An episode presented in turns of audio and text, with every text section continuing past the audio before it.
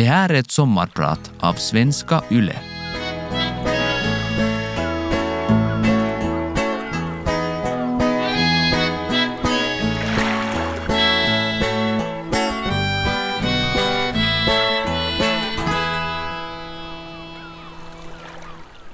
Tänk att vi redan har allt vi någonsin önskat. Så står det på min rosa blommiga dyna i favoritfåtöljen på sommarstugan. Sommaren 2010 kändes just exakt så. Jag gick omkring och var så där löjligt tacksam. Jag minns att jag sa åt min mamma, om jag skulle dö nu skulle jag dö lycklig, för jag har liksom allt. Allt hade fallit på plats när vi fick vårt tredje barn. Förutom våra tre underbara barn hade vi båda fina jobb, hus, sommarstuga. Vi hade levt drömmen om att bo utomlands i flera omgångar. Vår familj var i verklig harmoni och vi älskade livet i småstaden. Bara vi fick göra våra årliga utlandsresor. Nu skulle vi minsann visa världen att vi fick det att funka med två karriärer och tre små barn. Vi var odödliga. Jag hade aldrig kunnat ana att den enda önskan jag skulle ha samma sommar var att vi skulle få fortsätta vara fem istället för fyra. Den här heta, långa sommaren skulle förändra allt. Att mattan skulle ryckas undan våra fötter och vi skulle ramla in i ett decennium fylld av rädsla och en sådan sorg som gör att hjärtat nästan brister. Att jag skulle vara nära att mista ett av mina barn och att jag själv skulle skriva min egen dödsannons. Jag heter Nina Brencha Friberg. Jag är grundare av Projekt Liv och jag är din sommarpratare idag. Sista veckan i juli, för tio år sedan, var jag och min äldsta son Todde, som snart skulle fylla sex år, på en efterlängtad tumisresa till Oslo. Det var nu jag började se flera tecken på att något var fel. Han beställde in mat som han älskade, pizza och glass, men han åt knappt något. Han svettades mycket. Han kastade upp en morgon med förklaringen att han druckit för mycket kokis. Jag ringde hem och sa oroligt till min man Freddy att när vi kommer hem tar jag honom till läkaren. Han har säkert vitaminbrist. Den vänliga damen i luren på hälsocentralen hemma i Jakobstad sa Kom in genast så behöver du inte fundera över helgen. Todde vägrade gå till läkaren för han var minsann frisk. Jag kommer bara ifall både du och pappa följer med, sa han. Och eftersom vi båda var hemma och hade semester sa vi okej. Okay. Vi tog blodprov och röntgen och vi väntade länge på svar i väntrummet. Vi inbillade oss att personalen såg lite extra åt vårt håll. En barnläkare bad oss komma in och hon började med orden Vet ni, Toddes blodbår inte bra. En blixt från en klar himmel slog mig och jag frågar Alltså pratar vi leukemi? I detta skede visste ingen. Jag sjunker ner och min illgröna klänning flyter ut på golvet. Jag ser på Freddy, vars blick bara stirrar rakt fram. Jag ser på Todde, som kör sin nya leksaksbil vi hunnit köpa mellan blodprov och röntgen. Tiden stannar. Läkarens vänliga ord bryter min bubbla. Ni har 45 minuter på er. Gå hem och packa. Räkna med veckor på sjukhus. Kom sedan hit så sätter vi in kanyler och medicin och så tar ni ambulansen till Tammerfors. Vi åker hem och kastar yra av skräck nerkläder i några väskor. Och jag försöker samla mig, sätter på mitt välstrukturerade jag. Det här fixar vi, men det lär ta en stund, sa jag i bilen på väg till sjukhuset. Efteråt har min man sagt att de här orden blev en livboj för honom. De höll honom flytande. Efter en snabb ambulansfärd kommer vi fram till universitetssjukhuset i Tammerfors. Det är fredag kväll. Jag får dagbok på den här tiden och första kvällen på sjukhuset skriver jag.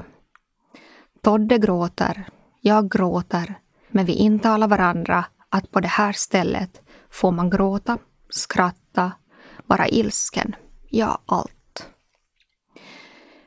Den här helgen upplever jag den största sorg jag någonsin hittills har upplevt. Jag ligger på en barncanceravdelning med min äldsta. Jag saknar min fyraåriga fina Yra Tyra och min lilla busiga Eril så det gör ont. Jag är rädd. Jag behöver en famn som säger allt kommer bli bra. Och jag tror mitt hjärta ska gå sönder.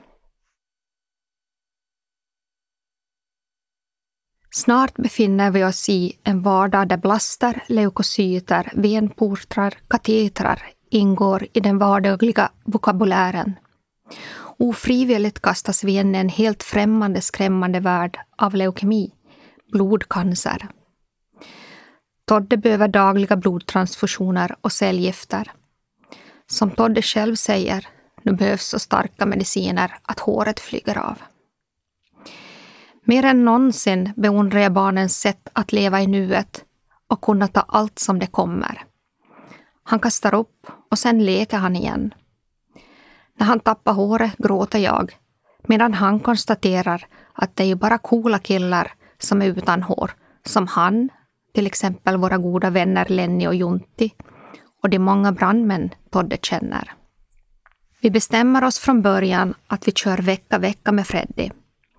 Alla barnen ska få ha mamma och pappa hos sig turvis varannan vecka. Det visar sig vara ett välfungerande drag för oss. Med mamma pysslar och myser man och när pappa kommer blir det mera bilspel. Vi skriver dagbok för varandra på sjukhuset så den andra ska få veta vad som hänt och hur vi har haft det under veckan. Det är vårt sätt att växeldra och lyfta varandra. Under Toddes fjärde vecka på sjukhuset tas ett nytt benmärgsprov. Det finns olika kategorier. Lågrisk, mellanrisk, högrisk och alla föräldrars skräck. Stamcellstransplantation direkt. Vi drar nitlotten. Enda sättet att rädda Todde är att byta benmärg. Helst så snabbt som möjligt. Nästa fråga. Passar någon av syskonen? Chansen är 25 procent. Men ingen i vår familj matchar. Här kommer min första bekantskap med stamcellsregistret. Jakten på att hitta en donator från ett internationellt register börjar.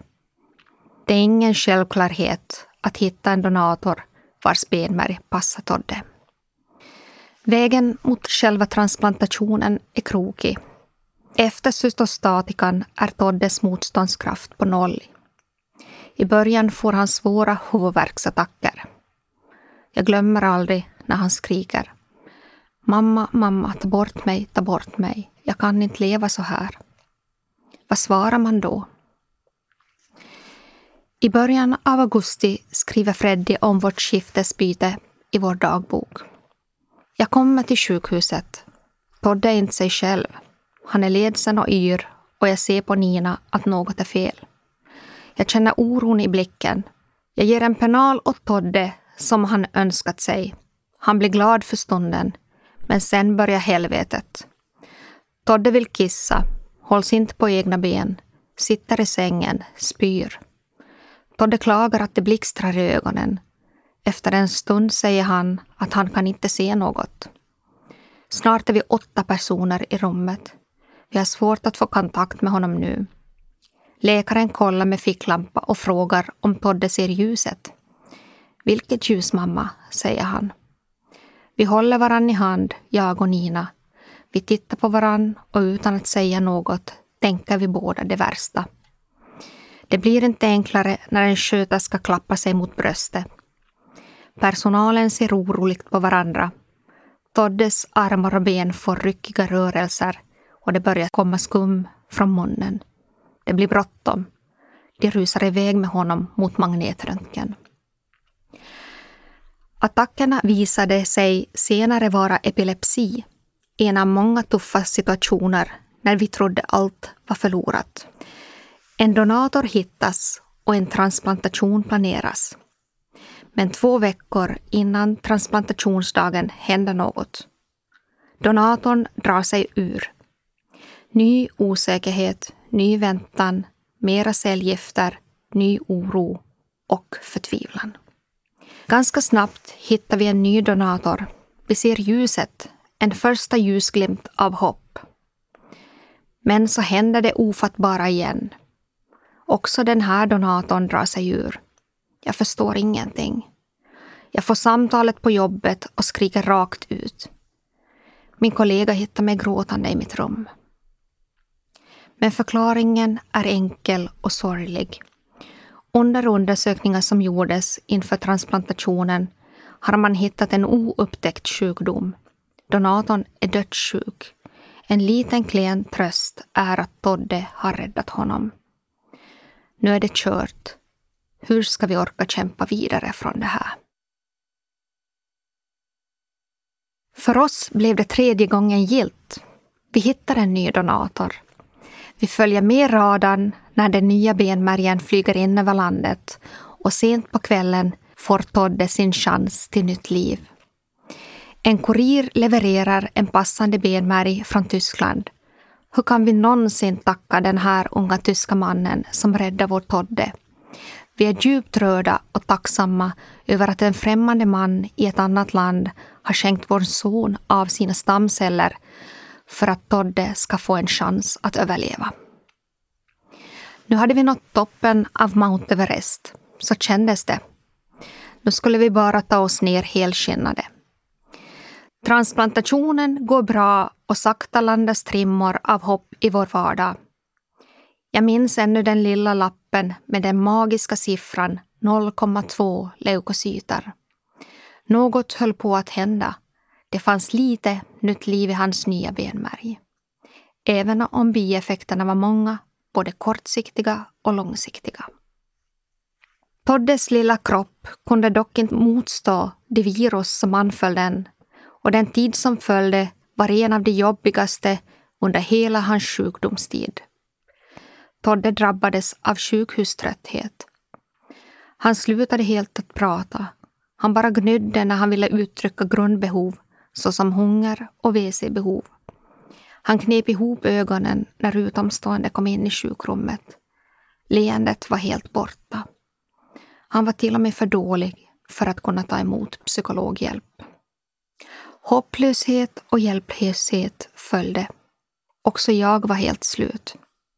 Jag är så glad att all vårdpersonal lyssnade och tillsammans med oss föräldrar ville fundera ut de bästa lösningarna för just vår familj. Jag insåg att Todde behöver lugn och ro, komma bort från sjukhusmiljön. Vi ville hem. Vi skulle förstås fortsätta hans medicinering tre gånger per dygn vid hemmasjukhuset, men annars vara på sommarstugan i lugn och ro. Todde ville också ha en kanin. Han hade själv surfat och hittat en som han gillade. En lurvig söt liten kanin som faktiskt fanns i Vikaholmen i Larsmo nära vår sommarstuga. Att det sedan var den dyraste kaninen i Larsmo spelade ingen roll. Kaninen Aron flyttade hem till oss och blev ett stort stöd i rehabiliteringsprocessen. Hittills hade alla tagit hand om Todde och nu ville han ta hand om någon. Med Aron växte hans självförtroende. Så där gick två och ett halvt år, upp och ner och framåt och bakåt. Det blev småningom dagis för de yngre och efter två och ett halvt år hemma kunde Todde återgå till sina klasskamrater i skolan igen. Jag var livrädd för att släppa honom utom synhåll, men förstod att det var nödvändigt. Det svåraste för mig var definitivt att våga se framåt och drömma igen. Under de över 250 dygnen på sjukhuset hann jag se och uppleva mycket. Jag hann träffa många människor och människoöden jag aldrig glömmer. Vi är många som genomgår kriser som närmast knäcker oss. Redan på sjukhuset föddes tankarna om att en dag ska jag göra mera för dessa familjer. Under dagarna och veckorna av väntan insåg jag att den sjuka vardagen behöver piggas upp med både färg och glädjeämnen. Speciellt de familjer som föll i apati behövde bli sedda och få extra stöd och uppmuntran. Mitt namn är Nina Brentja Friberg och jag är din sommarpratare idag. Varje år firar vi Todde två gånger. Först på hans riktiga födelsedag i augusti och en andra gång på dagen när hans transplantationer, den sista mars. Under Toddes andra födelsedag i mars 2014 får jag ett meddelande om en flicka som man omöjligen kan hitta donator åt. Vi pratar hemma och Todde föreslår att vi ska utmana Jaro, stadens fotbollslag, att gå med i stamcellsregistret. Det behövs ju unga friska män. Sagt och gjort. Jaro gör en fantastiskt fin video om att de gått med och utmanar samtidigt andra att också gå med. Statistik från blodtjänst efteråt visar att registret fått betydligt flera medlemmar under denna tid. Vilken feedback, vilken kick. Vi vill göra mer. Många långa dagar och nätter gick åt att skriva ner tankar om hur, när och varför vi kunde hjälpa sjuka barn och familjer att få en lite drägligare tillvaro. Allt kretsade kring de tre frågorna. Vad hade hjälpt oss i krissituationen? Vad hade gett trygghet? Och vilka glädjeämnen hade vi fått uppleva under Toddes sjukdomstid som vi kunde ge vidare? Jag tog tjänstledigt från mitt jobb som inköps och logistikchef för att bygga upp en ny förening som hade som mission att återse försvunna leenden. En handfull professionella nyckelpersoner var med när vi grundade föreningen Projekt Liv sommaren 2014. Ett nytt kapitel i livet började. To bring back a lost smile. Det fanns många fördelar med att jag hade jobbat inom företagsvärlden, i ledningsgrupp och att jag haft styrelseuppdrag tidigare. Jag var van att jobba med strategier och verksamhetsplaner, att sätta upp tydliga mål. Helhetstänket och nätverket fanns där. Ett fantastiskt bollplank hade jag även i Johanna som var en av medgrundarna. Inom första dygnet hade Projekt Liv mer än 700 följare på sociala medier. Vår kickoff ägde rum på hösten med både direktsändning i TV Riksnyheterna, radioinslag och uppmärksamhet i tidningar. Vår verksamhet gick ut på att ordna drömdagar, små andhål för sjuka barn och familjer som levde i samma tillvaro som vi hade levt i så länge. Vi förverkligade drömmar, stora som små, åt familjer som behövde muntras upp. En fick en laptop, en annan fick en hund och en tredje ville kanske bekanta sig med ett yrke. Vi piffade till tillvaron för barnen på det lokala sjukhuset och besökte olika sjukhus för att prata om verkliga behov. Jag minns tydligt och klart en av de första drömdagarna för familjer i behov. Vi hade knappt pengar, men tack vare hjälpande händer som både stödde ekonomiskt och med kontakter kunde vi förverkliga en familjs dröm om att resa till norra Sverige.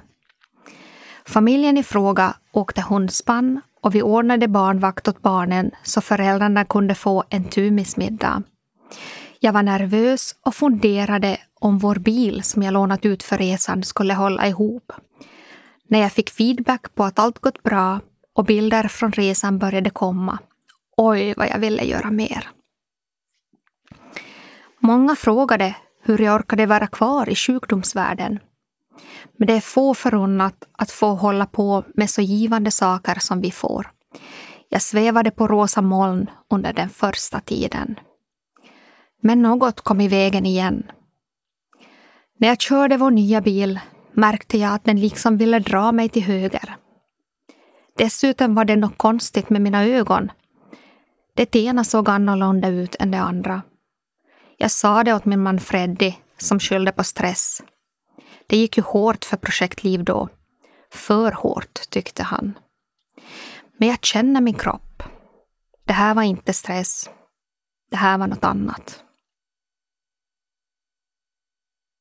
Jag söker upp en privatläkare som ser ryckningar i ögat. Jag åker in i magnetröret och sedan åker jag till Stockholm med Projekt Liv. När jag kommer hem har jag fått ett brev i postlådan.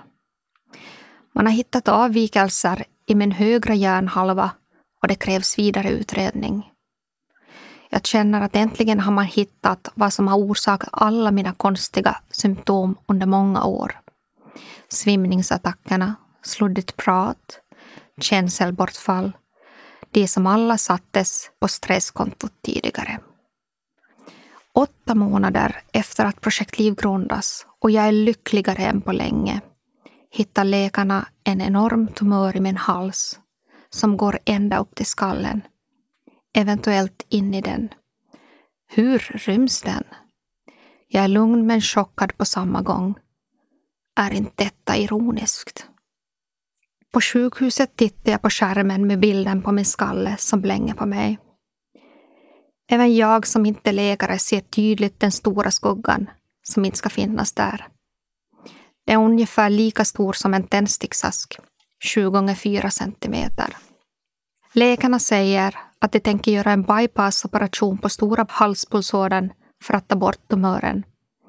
Det finns en risk för att svalgnerverna går av. 70 procent för den första och 50 för den andra. Om det händer skulle jag inte ens längre vara kapabel att svälja mitt eget saliv. Också röstnerven är i farozonen.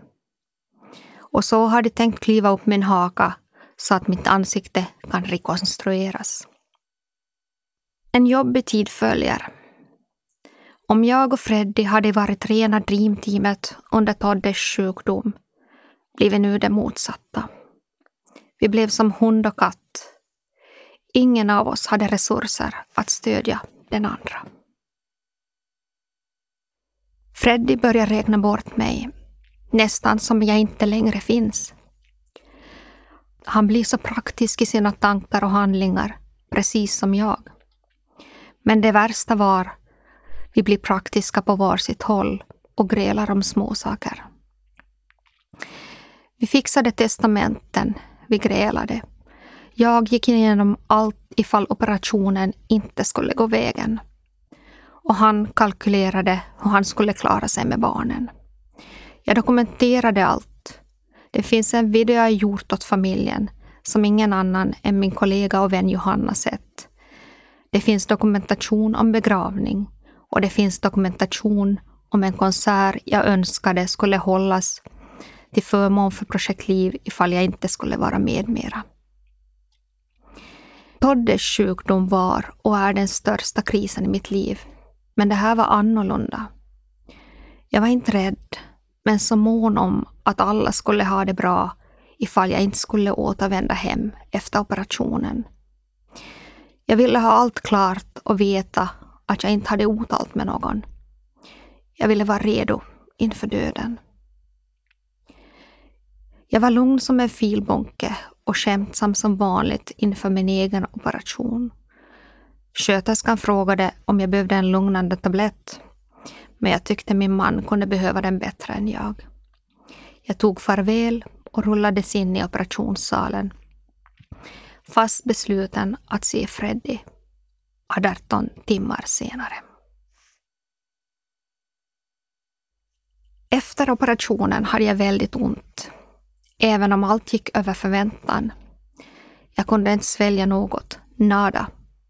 Jag kunde inte uttala ord, artikulera. Min röst var som en hes viskning. Ingen förstod vad jag försökte säga. Dessutom visade det sig att en nerv hade gått av under operationen, så i resten av mitt liv kom jag att se lite konstig ut med snett ansikte, hängande ögonlock och domningar. Det kallas tydligen Horners syndrom. Allt det här har ändå mindre betydelse. Likaså bryr jag mig knappt om det. Jag tänkte positivt och en kort rehabilitering skulle säkert göra sitt. Intensiv talterapi fyra gånger i veckan skulle säkert också hjälpa.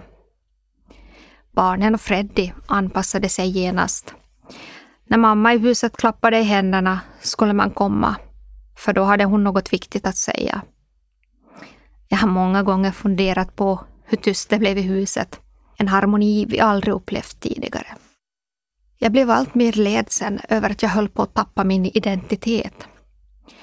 Jag som alltid levt för att hålla låda i större grupper. Jag hördes inte, jag orkade inte. Jag kunde heller inte umgås över dryck och mat, för allt jag åt eller drack åkte upp genom näsan istället för ner i svalget. Jag försökte tappert vara med på festerna, men fick gå tidigt hem med tårarna och mascaran rinnandes längs kinderna. Det fanns inte ork. Jag kunde inte prata. Verken kom. Skärmtid blev också jobbigt. Jag fick ofta värkattacker som krävde sjukhusvård.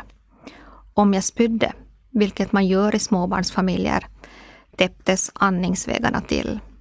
Jag intalade mig själv att jag skulle vara glad över att allt gått så bra. Det kunde ha varit mycket värre. Men samtidigt hade jag en stor sorg över att mitt jag försvann med den där jäkla tumören. Utåt sett syntes det inte så mycket. Jag körde på med projekt Liv, jag var aktiv i skolsammanhang, jag log som tidigare. Men jag var så trött, så trött och ledsen över min förlorade identitet. Det kändes som om allt med vår familj kretsade kring sjukdom. Alla menade så väl när de kom och pratade. Men faktum är att jag kanske inte direkt skämdes. Men jag var så ledsen och besvärad över att vi var familjen som var så sjuk. Så när min man blev erbjuden en flytt till Miami såg vi chansen och tvivlade inte. I solen skulle vi helas som familj, ta hand om varandra och inte känna den sociala press som vi nu kände. Det var underbart i Miami. För ett sommarbarn som jag gjorde solen gott. Vi fick goda vänner, vänner för livet, varav få visste om vårt förflutna. Det var beach, skolarbete, färggranna drinkar, poolparties, orkaner, alligatorer, volontärarbete och härliga familjeutflykter. Tidsskillnaden innebar tidiga jobbmorgnar och distansledarskapet hade sina utmaningar. Men i det stora hela var tiden i Miami helt fantastisk. Vistelsen blev tyvärr lite kortare än planerat. Toddes nya benmärg hade aldrig börjat fungera som den skulle och han behövde sjukhusbehandling var sjätte vecka. Det visste vi om innan vi åkte och hade försäkringarna i skick. Men de skyhöga kostnaderna gjorde ändå att tillvaron blev ohållbar. Istället för tre år blev denna underbara tid två år. Jag lämnade definitivt kvar en del av mitt hjärta i det färgsprakande Miami. Jag saknar fortfarande solen, färgerna och vännerna. Rytmen och livsglädjen talade till mig. Jag tror minsann det bor en liten latina i mig. Men USA är inte landet man ska bo i ifall man har behov av sjukhusvård. Inte vanligen och speciellt inte nu. Överlycklig är ordet som beskriver känslan att få vara tillbaka i Finland igen. Det blev en nystart med Projekt Liv. Värderingarna satt ännu stadigare än tidigare i ryggmärgen. Tiden i Amerika hade lärt mig att ingen teknik i världen kunde ersätta de människomöten jag fick ha igen. När vi firade vårt femårsjubileum med föreningen kändes det mer än fantastiskt. Jag som haft enorma problem att våga drömma och se framåt fick en starkare framtidstro med tryggheten i vårt fantastiska team. Det är enkelt att drömma och se framåt med projektliv. Där handlar allt om hopp.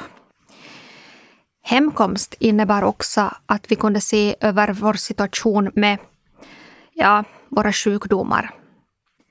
Todde hade fått veta att hans benmärg inte kommer fungera normalt. Han kommer lida av sekundär immunbrist livet ut. Han kommer behöva behandling resten av livet och vi fick hjälp att lösa den biffen. Sen var det min tur. Jag visste att något måste göras och under min tid i USA hade jag tagit reda på att något kunde göras för mina problem, både med rösten och svalget. Fyra och ett halvt år efter den första operationen var det dags. Att operera igen var ingen måste och därför tvekade jag. Jag var mycket mer rädd den här gången. Jag kunde ha valt bort operation, levt med min knarriga och dåliga röst, men haft god livskvalitet i alla fall. Men jag ville ändå försöka. Tänk om rösten och sväljandet ens förbättras lite. Och det gjorde den. Jag fick tillbaka något som jag knappt kunnat drömma om. Min egen röst. Och jag kunde skåla utan att hålla för näsan igen. Vilken stor identitet som sitter i rösten har jag först förstått nu efteråt. Nu lät jag som Nina igen. Nu var jag Nina igen. Med operationen kom även energin tillbaka. Tänk hur mycket energi som kan krävas att enbart prata. Att jag nu gömmar och springer flera gånger per vecka är ingenting jag någonsin kommer ta för givet igen. Orken var ju borta i fem år. Ja, nästan tio eftersom vi kört på högvarv så länge. Klapparna behövs inte längre hemma och jag är förmodligen mera högljudd än någonsin. Men vi ska väl tro att det uppskattas efter allt vi varit med om. Acceptansen är en stor nyckel i mitt liv. Att acceptera det som livet bjuder och tackla det enligt bästa förmåga. På mitt eget sätt och inte leva som någon annan. Det blir ju inte alltid som vi tänkt oss. Tio år har nu gått sedan denna resa med massor med sjukdom, sorg och glädje startade. Och det har minsann varit ett decennium som innehållit mer än ett helt liv gör för många. Det har tagit mycket, men givit ännu mer. I synnerhet gråa hår.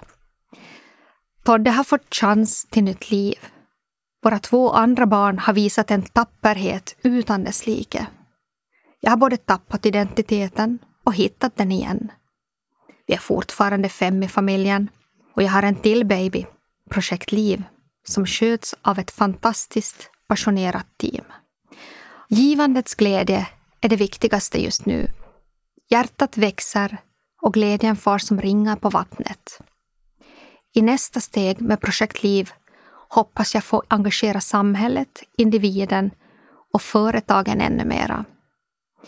Jag vill att alla ska minnas It's cool to care. Mitt namn är Nina Bräncha Friberg. Jag är trebarnsmamma, fru och vän. Jag är en som trots mina erfarenheter lätt trillar in i ekorrhjulet. Jag är trots allt inte en människa som varje dag pratar om tacksamhet och vandrar på rosa moln. Men jag är däremot en människa som kanske känner för en champagne en vanlig onsdag i november och då tar jag den. Den blommiga dynan med text, den har jag kvar på en hedersplats. Tänk att vi redan har allt vi någonsin önskat. Och en framtid därtill.